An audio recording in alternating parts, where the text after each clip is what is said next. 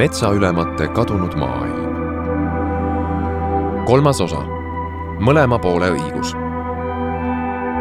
Mari-Liis Kitter töötas üle viieteistkümne aasta RMK sõnumiseadjana, aitas meie riigi metsasõnumeid üles ehitada enam-vähem algusest peale. kuid lahkus mõned aastad tagasi, sest tundis, et igasugune sõnumi seadmine on muutunud võimatuks. olukord on hüsteeriline. ta ei karda seda sõna. ka tema on saanud ähvardusi debati asemel on konflikt, osapooled on kapseldunud ning numbrite või faktidega ei ole enam võimalik midagi tõestada. linnastunud inimestel on tema sõnul lihtsalt tunne, et raiutakse liiga palju. Kitter arvab, et inimeste jaoks on laiemalt midagi maailmas paigast ära. võib-olla nad tajuvad, et nende identiteet on hägustunud ja nad tahavad haarata kinni millestki, mis mõjuks autentsena. ja mis mõjuks eestlasele autentsemana kui mets kui Kitter paarkümmend aastat tagasi RMK-s alustas, oli tema esimene kampaania inimeste kutsumine metsa. linnadesse riputati plakatid, kuhu oli kirjutatud mine metsa viisakalt ja mine metsa vaikselt. seejärel hakati inimesi kutsuma jõulukuuski võtma. toimusid esimesed metsapäevad ja esimesed metsakoolid otsustajatele. metsadesse rajati varjualused ja teekesed ning pandi püsti väikesed infotahvlid, kust sai lugeda laanesamblike ja hariliku päevakoera kohta tasapisi kutsuti inimesi astuma taas üle selle läve, mis asub parkla ning esimeste puude vahel. mets pidi saama omaks, kuid muutus hoopis võõraks. kakskümmend aastat tagasi ei oodanud keegi, et metsas peab olema niivõrd turvaline, ütleb ta. praegu nõutakse aga metsa laudteid ning valmis pandud küttepuid. midagi sarnast ütleb ka Ragnar Lõbu, metsandust õppinud puitmajade tootja. tema on selles madinas kõrvalseisja ning tema arvates kummalisel ning Eestis väga haruldasel kombel on õigus mõlemal poolel. tema enda äril läheb hästi. juba müüakse Norras kaljemaid maju, kui norralased ise teevad, sest Eestis osatakse valmistada eriti keerukaid puitmaju. näiteks on väga moodi läinud säärase struktuuriga majakesed, kus magamistubadest ning söögisaalist avanevad suured klaasaknad loodusesse. selliseid maju pole kerge teha, erinevad osad vajuvad eri kiirusega, kuid inimesed Skandinaavias igatsevad just seda elada keset metsa ning imetleda suurtest akendest metsade ilu. laaned on nende jaoks nüüd pigem nagu tapeet või suur ekraan ja nad tahavad, et ekraanil paistev ilu säiliks muutumatuna, kuna kõik muu nende ümber muundub niigi iga päev ja kohutava kiirusega. raied šokeerivad inimesi, sest langid näevad välja niivõrd koledad ja ohtlikud ning mingis mõttes liiga reaalsed. inimesed igatsevad metsades näha täiuslikke fantaasiaid mida on toitnud loodusfilmid, reklaamibrošüürid ja igaühe enda unistused. ning kuna oleme loodusest võõrdunud, ei saa me aru, miks puid saetakse, miks need langid tekivad, kuhu puit läheb ja miks seda vaja on. või me saame aru, aga ei taha teada. puitmaja on arenenud ühiskonna jaoks süümepiinade leevendaja, ütleb Lõbu. mida rohkem prügi mõni taanlane või rootslane toodab, ja ta toodab seda väga palju seda enam tahab ta seda tasakaalustada naturaalsest männist puitmajakesega, mille hiiglaslikest klaasakendest näeb ta igal hommikul puutumatut ning muutumatut metsatukka, oma lemmikfantaasiat. ja kui ühel hommikul on sealt maha võetud mõned puud, sirutab ta soojast voodist käe, teeb mõned fotod ja laeb fantaasia purunemise pettunult mõnele oma sotsiaalmeediakontole, et terve maailm seda näeks vanade metsaülemate jaoks ei ole mets fantaasia Nende jaoks on see aastakümneid olnud igapäevane tegelikkus, mida tuleb hooldada, kasvatada ja majandada. kuid nad tunnevad, et kusagil on jõud, mis tahavad midagi vastuvõetamatut. Nende arvates manipuleeritakse faktidega ja valetatakse.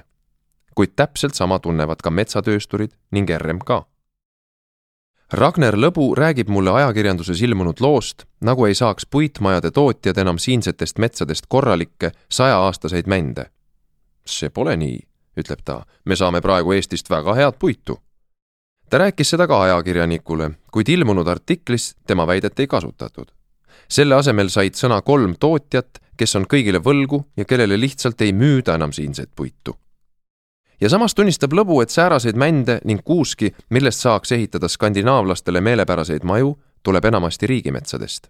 sealt, kus kunagi needsamad vanad metsaülemad majandasid just tänu nende kunagistele oskuslikele hooldusraietele on meil täna võimalik saada vanu kvaliteetse lülipuiduga mände, mis maksavad kuni viisteist protsenti rohkem kui puit, mis on pärit küüditatute põllumaadele kasvanud kehvasti majandatud suvalistest metsadest. mulle räägitakse, kuidas RMK on keelanud oma metsaülematel rääkimise, aga kuidas metsaülemad ei tahagi enam rääkida, sest tulemuseks on ikkagi katastroof. mõnede sõnul on raiemahud piisavad ja kaitse all metsasid liiga palju. Teiste sõnul on raiemahud ülepaisutatud ja kaitse alla peaks võtma veel rohkem mulle öeldakse, et esimese vabariigi ajal oli metsasid palju vähem, kuid talle vastatakse, et selles arvestuses ei olnud erametsi. ma kuulen kõige erinevamaid valemeid metsade juurdekasvu arvutamise kohta ning arvamusi, et küpseid metsi olevat endiselt alles ja neid jätkuvat veelgi. või siis olevat küpsed metsad juba kõik maha võetud. On neid, kelle arvates tuleks kaitsta ennekõike metsasid, kus kaasaegne linnastunud inimene pärast tööpäeva lõppu spanneliga tiiru teeb ja siis on neid, kes viitavad, et ökoloogilisest seisukohast tuleks hoida puutumatuna hoopis inimesest kaugel olevad metsad, need, kuhu Facebook kunagi ei jõua. ma kuulen korduvalt, et Postimees tegeleb metsateemadega, sest selle omanikul on metsas omad huvid. ainult et ühtede sõnul on Margus Linnamäe varjatud metsatööstur, teiste sõnul hoopis looduskaitsja Linnamäe ise ütleb, et soovib kodukandis Otepääl väiksemaid raiemahtusid ning oma metsasid majandades ta lageraieid ei tee välja arvatud mõne aasta eest tormimurru puhastamine. kuulen ka, et vanadel headel aegadel olevat majad ehitatud jämedatest, vanade puude palkidest.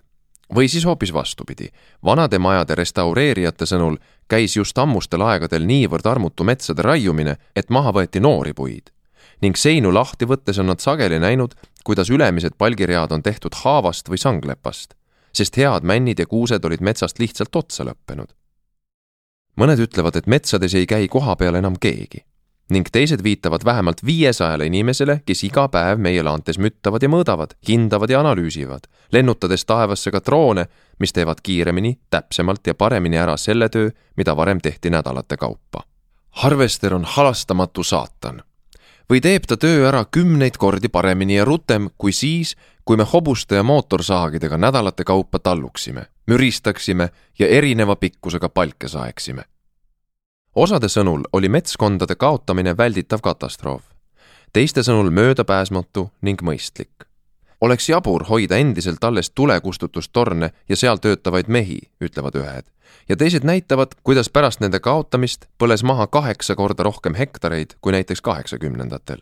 teede äärest ei tohiks metsasid raiuda ent kui neid just nüüd küpseks saanud metsi raske tehnikaga mitte raiuda, siis kas parem on selle tehnikaga sõita hoopis sügavale metsa? vanasti ei võinud langi laius ületada sada viiskümmend meetrit ja see on metsale hea, kuulen. Nii oli, kuid see ei võta arvesse puistute loomulikke piire ning on metsale halb, kuulen ma samuti. üks metsaülem nimetab remmelgavõsa ökoloogiliselt mõttetuks, üks bioloogiaõpetaja vaidleb talle vastu sama metsaülem ütleb, et mitmekesisus on olemas isegi raielangil, lihtsalt veidi teistsugune. tekivad maasika ja vaarikakohad, ilmub kanarpikk, ringi lendavad mesilased. talle öeldakse, et tõeline liigirikkus tekib siiski alles metsas, mis on sadu aastaid vana. Ma kuulen nimekast metsandusärimehest, kes väidab, et on aretanud tavalisest tervelt veerandi võrra kiiremini kasvava kuuseliigi ja ma kuulen ka looduskaitsjatest, kes on nii laisad, et eksivad isegi kõige põhilisemate faktide vastu on neid, kelle sõnul kliima soojenemine soodustab metsa kasvu ja neid, kelle sõnul hoopis pärsib.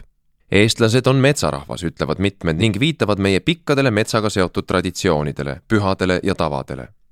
võimalik, kommenteerivad teised, kuid igal aastal veab RMK metsadest välja kolmsada tonni prügi, mille iidne metsarahvas sinna visanud on. isegi teadlased on telged eri otstes. mõnede arvates on metsades kõik hästi, teiste sõnul on toimumas katastroof mõned keskenduvad ainult puidule ja neid nimetatakse metsatööstuse nisa otsas olevateks ning mul soovitatakse mitmel korral heita pilk peale nende rahastamisele. Teised vaatavad metsasid ennekõike ökoloogilisest vaatenurgast ja nende kohta öeldakse ülesköetud hipid, kes unustavad ära, et metsast saadav rahaline tulu peab üleval ka meie riiki ning sealhulgas ka neid. ühed ütlevad, et metsamajandamine mõjub kliimale hästi teised juhivad tähelepanu, et metsade ahju ajamine tekitab poolteist korda rohkem süsinikuheitmeid kui kivisöe põletamine. kuuskede raievanuse alandamine olevat halb või siis hoopis hea. Sügavad rööpad metsas olevat esteetiline, mitte ökoloogiline probleem või siis põhjustavad pöördumatuid kahjustusi. juurepressi vältimiseks peaks kuusikuid justkui kiiresti majandama, kuid just käbe majandamine on juurepressi tekkimise peamiseks põhjuseks. kui ilmub metsatöösturite pressiteade, millist erakordset lisandväärtust nad pakuvad, siis saadab mulle ühe uuringukeskuse juht kirja, kus nimetab seda silmamoonduseks, sest tööstusel on ressursid põhimõtteliselt tasuta käes ja keskkonnakulu tuleb hiljem kanda meil kõigil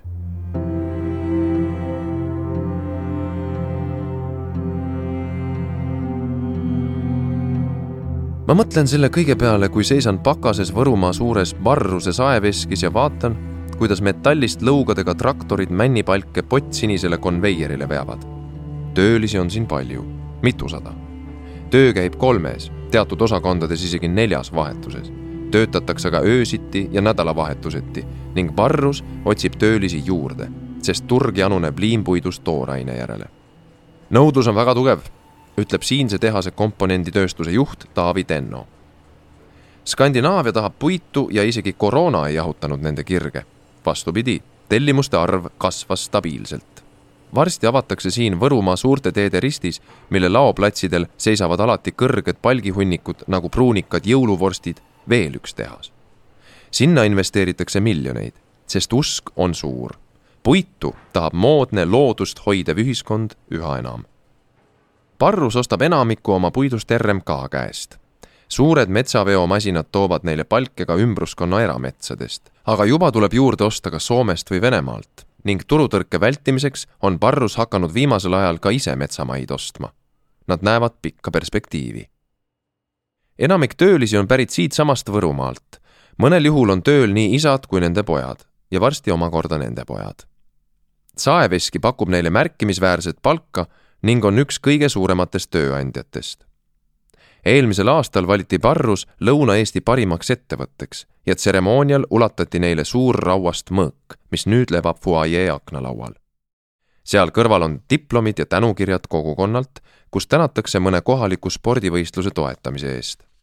raha antakse ka siinsetele mälestusmärkidele ja huviringidele, kooliõpilastele ja kultuuriinimestele.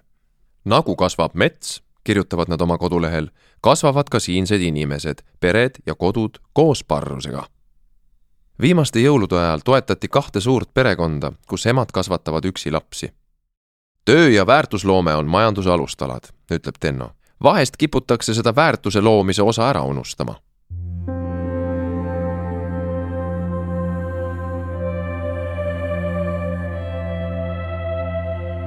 metsamehed arvestavad võimalikult palju ökoloogiaga, ütleb Mati Polli, kui me Harjumaa suurte metsade vahel sõidame. kui tema siia lähedale mõnekümne aasta eest metsaülemaks tuli, olid teed läbimatud. kõikjal laius soo ja siia saadeti tööle neid, kes ühiskonna reeglitega hästi hakkama ei saanud, sest põgeneda oli võimalik ainult suvel või talvel. kõik oli lage, ütleb Polli ja me möödume järjekordsest nöörsirgest kuivenduskraavist, kuhu tema isa pani kunagi elama vähid nüüd on selle kandi puud küpsed ja varsti tuleks hakata raiuma. kui küsin, kas kõik võetakse korraga, raputab Polli pead. tuleb teha järjekord, kuid temagi ei tea enam, kuidas seda täpselt teha. reeglid on muutunud, metsa tekivad inetud siilud. president oli neist lennukiga üle lennanud ja kurtnud liiga kole. muidugi kole, ütleb Polli, kuid teistmoodi majandada ei tohi sest kui sa tahad raiuda ühe kindlate tunnustega, kuid veidi ebamäärase kujuga ala, nii et moodustuks arusaadav tervik, võib selle suurus minna üle ettenähtud piiride ja see pole lubatud. sa pead raiuma rangetes piirides ning pärast raiumist jätma seemnepuud, näiteks mõned kased ja seda isegi siis, kui uueks metsaks paned kasvama männiku. Polli näitab mulle eeskujulikult kerkivaid noori mände ja nende vahele langenud suuri haavapuid.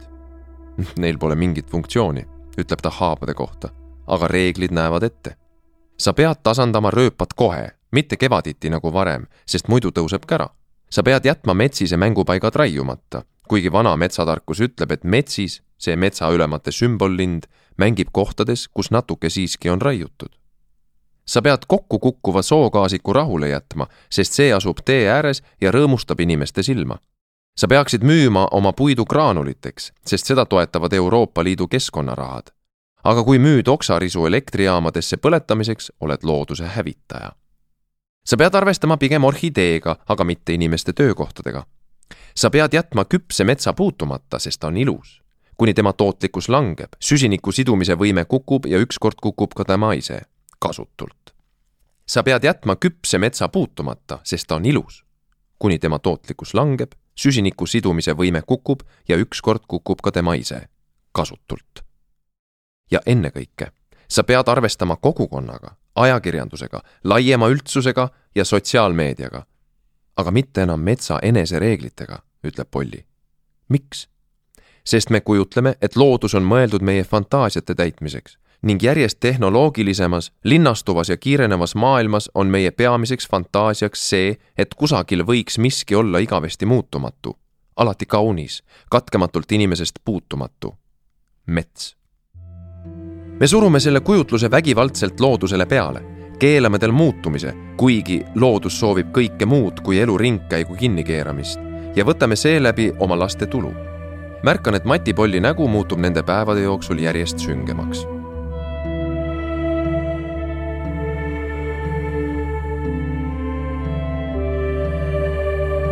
mõned aastad tagasi aitasin korraldada ühe suure metsandusettevõtte sünnipäevapidu. see toimus Saku Suurhallis kutsutud olid sajad inimesed, saal oli dekoreeritud puu aastaringide motiividega ning ettekandjad pakkusid suupisteid palgist lõigatud ketastel. suurel ekraanil näidati klippi metsa liigirikkusest, trummarid mängisid eri liikidest puudel, esinesid ksülofonimängija, kaksteist tantsijat, vokaalansambel, kammerorkester, indie-muusik ning ehtsal Stradivariusel viiuldav mängija. hiljem aga Nööp ning Lenna, Liis Lemsalu ja Tanel Padar taustaks videomontaaž sellest, mida kõike tulevikus puidust teha saab. ma kuulen, kuidas Metsatööstuste Liit paneb igal aastal sada tuhat eurot avalike suhete peale. ent kuidas nende entusiasm on madal, sest sotsiaalmeedia on üle ujutatud fotodest, mis kujutavad kändusid, tüükaid ja lanke. Saateks üleskutsed lõpetada igasugune puude langetamine, välistada lageraied katkestada tööd metsades ning vaadata käigu pealt, kust saavad tööd tuhanded maainimesed või millega täita eelarveauku. kui Mari-Liis Kitter küsib, kas võim kujundada maailmapilti, suhtumisi ja poliitikaid pole siiski tänases maailmas nihkunud tööstuste käest kodanikuaktivistidele, siis üks mu tuttav teab, kuidas RMK kulutas kümneid tuhandeid eurosid oma jõulupuude kampaaniale, tellides nende büroolt võimalikult turvalise lähenemise Nad kordasid pidevalt, kui oluline kampaania see nende jaoks on, sest nad saavad RMK-d inimeste meeltes ainult positiivsega siduda, kirjutab ta. RMK brändiraamat väidab, et olemuselt on RMK justkui kogenud metsavaht, kelle süda ja hing kuulub metsale. ning fotokeele juures rõhutab, et fotol peab olema tingimata kaunis Eesti loodus ja inimene. ning metsanduses tehtud piltide mulje mehelik, siiras, töine, nutikas, võimas ja positiivne see kõik kõlab naeruväärselt, ent kui ma istun ühel reede pärastlõunal väikeses soojas RMK kontoris ja kuulan Võrumaa metsaülemat Agu Palo, kes on nelikümmend üks aastat neis metsades majandanud ning kes nimetab ennast hingelt metsakasvatajaks, on teda raske välja naerda. Esimene tema istutatud mets siinsamas lähedal tema kodukandis Haanja kõrgustikul ei ole veel raieküpseks saanud ent Palo on kindel, et kui see ükskord piisavalt valmis on, võiks selle maha lõigata, sest metsal on väärtus. ta on teinud statistikat ja näitab mulle välja trükitud lehte, kuhu on markeriga tõmmatud jooned, mis oli riigimetsades viiskümmend aastat tagasi ja mis on nüüd. puude keskmine vanus on suurenenud ja tagavarad kasvanud. kaitsealad on laienenud kuus korda. Raiuti umbes poole vähem, samas juurdekasv on nüüd peaaegu kaks korda suurem Palo põhjendab metsa äkilist vohamist paranenud kasvatusmeetoditega. me tegime omal ajal vigu, ütleb ta. hektarile pandi kuni kuus tuhat kuusetaime, see oli liiga tihedalt. nüüd pannakse kolm korda vähem, kuid kasv olevat sedavõrd tõhusam. Palo võtab välja ajaloolised kaardid ja näitab, kui uljalt tehti veel esimese vabariigi ajal lageraieid ta osutab laigukesele siinsamas Võru külje all, kus toona raiuti korraga lagedaks nelikümmend üks hektarit tänapäeval ei tee seda keegi, ütleb ta. ning kui ma räägin talle Virumaal nähtud eraldisepõhiselt raiutud viiekümne hektarilistest aukudest, on ta veendunud, et mitte kusagil ei tee sääraseid pööraseid laike RMK. võib-olla mõni teadmatuses erametsaomanik või eriti ahne firmajuht, kuid sääraseidki olevat vähemaks jäänud. kui ma küsin, miks nad raiuvad linnade äärest, viib ta mind Võrumaa kaardi ette ja näitab kaugetes maasopistustes olevaid nurki, kus raiuti aastakümneid tagasi ja mida keegi ei näinud. nüüd on seal kõikjal looduskaitsealad ning seetõttu ei jää üle muud, kui võtta puid eeslinnade ümbert, kus see on kõigile näha. Palo ei taju riigi liigset survet raiuda, mingit katastroofi ei ole ja RMK-s mõtlevad kõik tulevaste põlvede peale. ta on välja trükkinud vanade metsameeste pöördumise riigi poole. ma märkan lehe äärtel tema kommentaare ta suhtub kõikidesse lugupidavalt ning tunneb neid isiklikult. kuid ettevaatlikult püüab ta öelda, et mingid asjad metsas siiski muutuvad. näiteks ei tahetud omal ajal kuuldagi, et kuusikutes kasvab ka lehtpuu. see viis metsatuka väärtuse kohe alla. see oli viga, ütleb Palo, sest keskkond on muutunud tormid on nüüd tugevamad kui varem ja segapuistud oleksid tuultele palju vastupidavamad. samuti ära puhtaid kuusikuid ilge ürask ka Palo vaatab tulevikku. ta teab, et ühel hetkel langevad raiemahud niikuinii, sest seitsmekümnendatel õgisid põdrad ära kõik männikasvud ja paarikümne aasta pärast harvesterid vaikivad, sest mände lihtsalt pole, ütleb ta mulle. jah, ta teab, et nõukogude ajal metsasid peaaegu ei raiutudki, vajaminev puit toodi Karjalast ning ta võtab maha oma kujuteldava mütsi vanade metsaülemate ees kes suutsid Moskva rahadega kasvama panna nii palju metsa, et nende pindala suurenes peaaegu kolm korda Haanjamaa kuplid olid esimese vabariigi ajal metsadest lagedad ning sinna sirgusid kuusikud alles aastakümneid hiljem, mil polnud lihtsalt mingit mõtet neid saagida. temagi on külvanud küüditatute põllumaadele metsa, kuid enam ei ole nõukogude aeg. Agu Palo mäletab selgelt, et tihumeetri palki sai toona täpselt ühe pooleliitrise viinapudeli hinnaga. aga nüüd on puidul väärtus ja seega tuleks neid metsasid, mis ei ole looduskaitse all, ka julgelt raiuda jah, temagi arvates ei oleks pidanud kuuskede raieküpsust allapoole tooma. ka tema on soojadel talvedel näinud segi keeratud metsaveoteid, kuid RMK tasandab kõik, lubab ta, sest nemad peavad ju saama kasvavat metsa ka hooldamas käia. ka tema oli harvesteride vastu, aga ta teab, et hobuse juurde enam naasta ei ole võimalik, sest keegi lihtsalt ei tule. metsamehe töö on raske. omal ajal soovitati puude käsitsi saagijatel olla ametis kõige rohkem kümme aastat, muidu infarkt, insult, kogu organism on nõrkenud. Agu Palo arvates sõltub lõpuks kõik mitte harvesterist, vaid harvesteri juhist. ta teab, et mõned RMK allhankijad teevad metsade mahavõtmisel vigu ja tahaks ise rohkem kohal olla, et neid kontrollida, kuid ta ei saa, sest metskondade reform, millele ta omal ajal vastu oli, jätab tema hoolde liiga suure maalahmaka.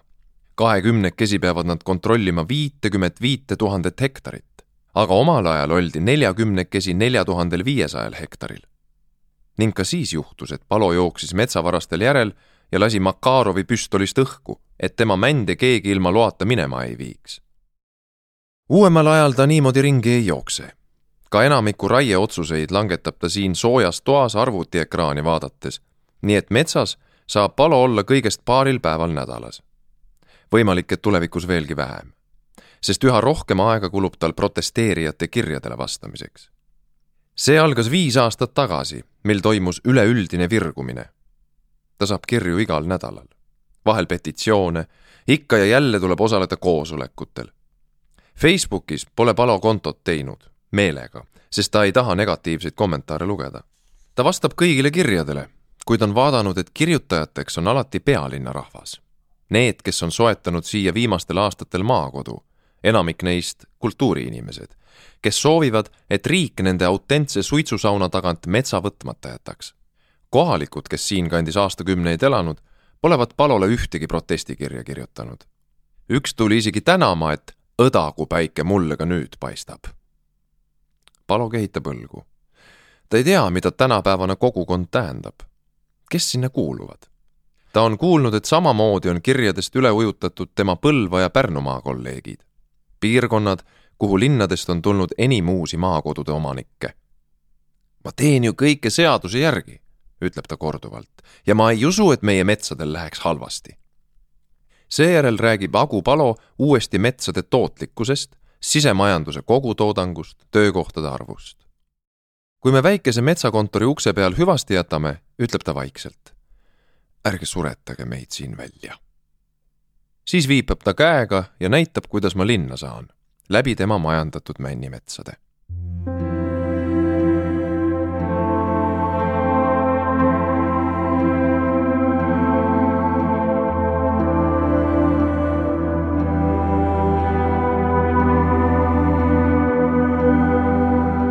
ma olen nõutu pärast kuude kaupa kümnete inimestega metsandusest rääkimist paistavad kõik ühel nõul olevat ainult selles, et metsade majandamine ei ole lõppkokkuvõttes küsimus faktidest, väidetest ja arvudest, vaid väärtustest. mis kaalub mille üle? mida me hindame ja mida me ei hinda?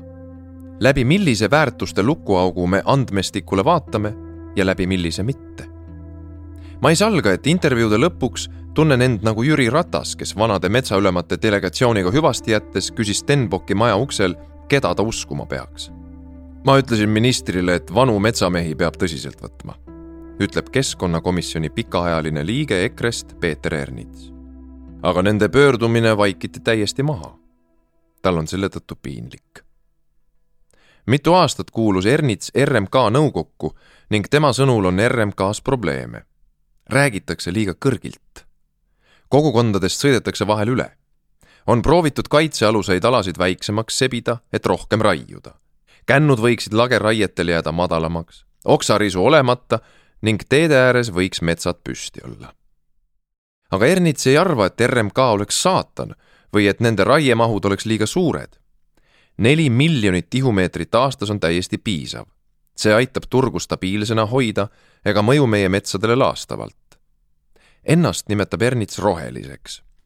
ta on korduvalt aidanud kogukondadel kohalikke metsasid päästa ning mäletab siiamaani Narva-Jõesuu naiste nutust punaseid silmi, kui nad mitu aastat tagasi tema juurde tulid ja palusid RMK-l kohalikke männikuid säästa.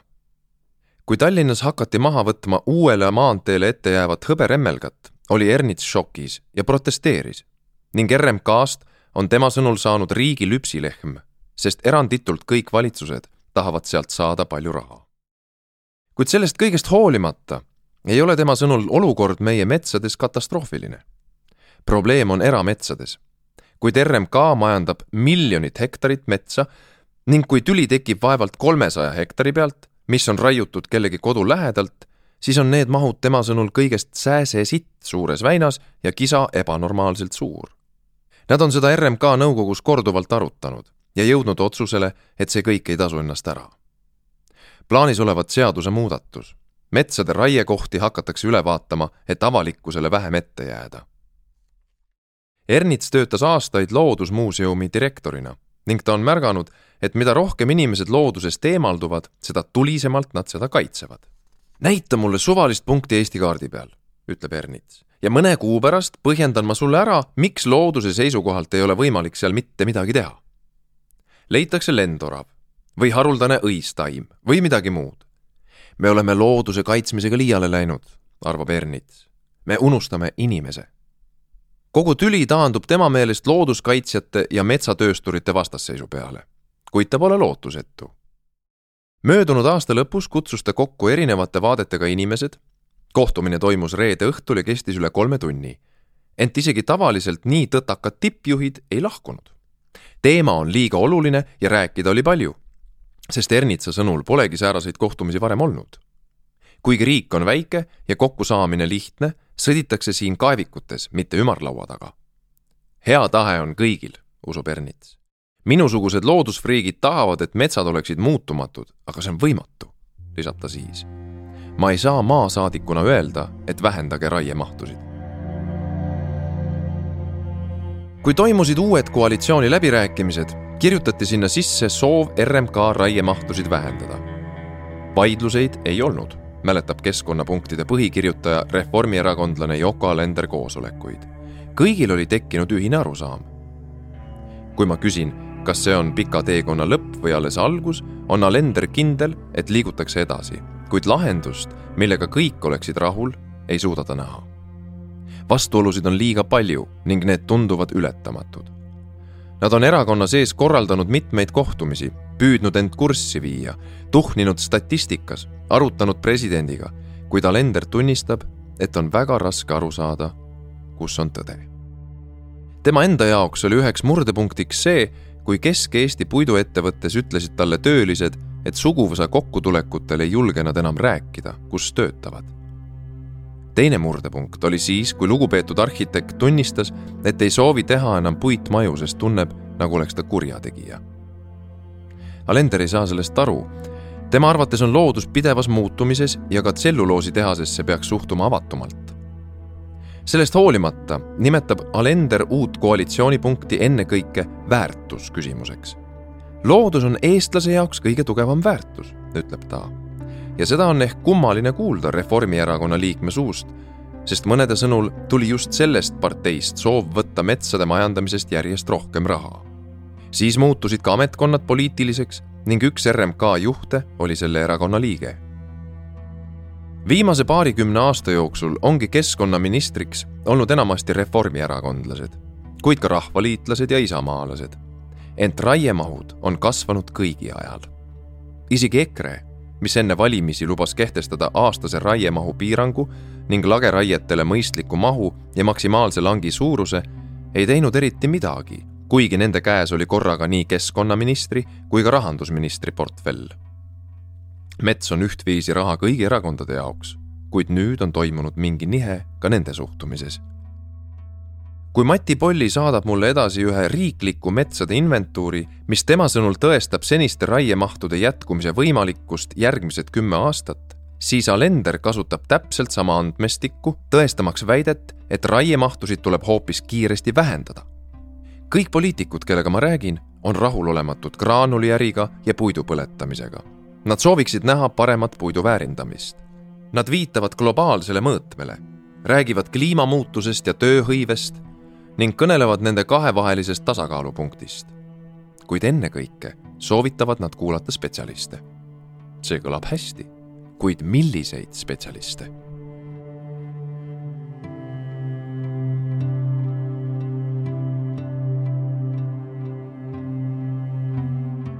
ma ei saanud aru, ütleb sotsiaaldemokraat Jevgeni Ossinovski. me istume tema kabinetis Riigikogus. Üle koridori on keskkonnakomisjoni uks, mille taha kaovad vahel selle liikmed Ernits, Alender ja tema ise. kui vanade metsameeste pöördumine komisjoni jõudis, pandi see hunnikus kõige alla ning saadeti lakooniline tänukiri mure tundmise pärast. keegi ei hakanud sellesse süvenema, ütleb Ossinovski sest kuna seisukohad on nii selgelt polariseerunud ja nüansse enam ei tajuta, siis otsustati ilma lugemata, et see on järjekordne radikaalne nõue metsasid üldse enam mitte raiuda. ta ise on loodusteemade vastu ammu huvi tundnud, toetab mitmeid looduskaitseühinguid püsiannetusega, kuigi nad olevat liiga nõrgad ja ei suuda hoida püsivat tähelepanu seaduseloomel. ent metsandus tundub tallegi liiga segane, sest pilt ongi löödud kirjuks ja dramaatiliseks Ossinovski arvates on seda teinud teadlikult metsatöösturid, et lõplikke otsuseid keegi niipea ei langetaks. Mati Polli nõustub.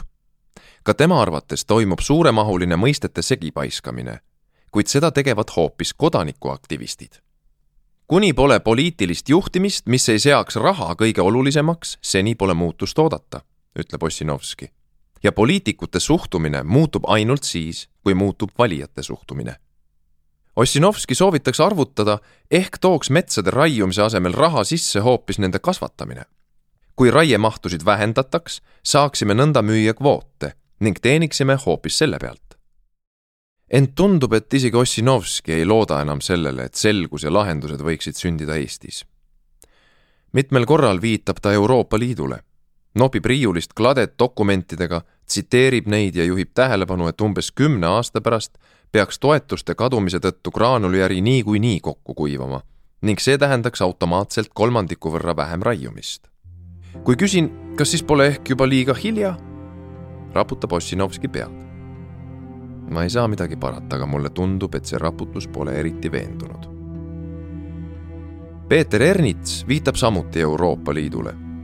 tema sõnul soovib liit, et kaitse alla võetaks tervelt kolmandik kõikidest metsadest hoian hinge kinni, ütleb ta.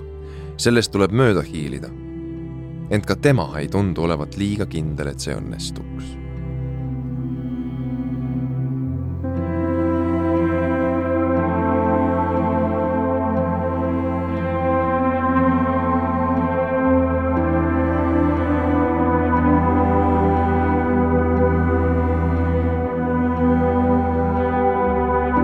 tekst Eero Epner luges Märt Avandi. helikujundus ja muusika Janek Murd.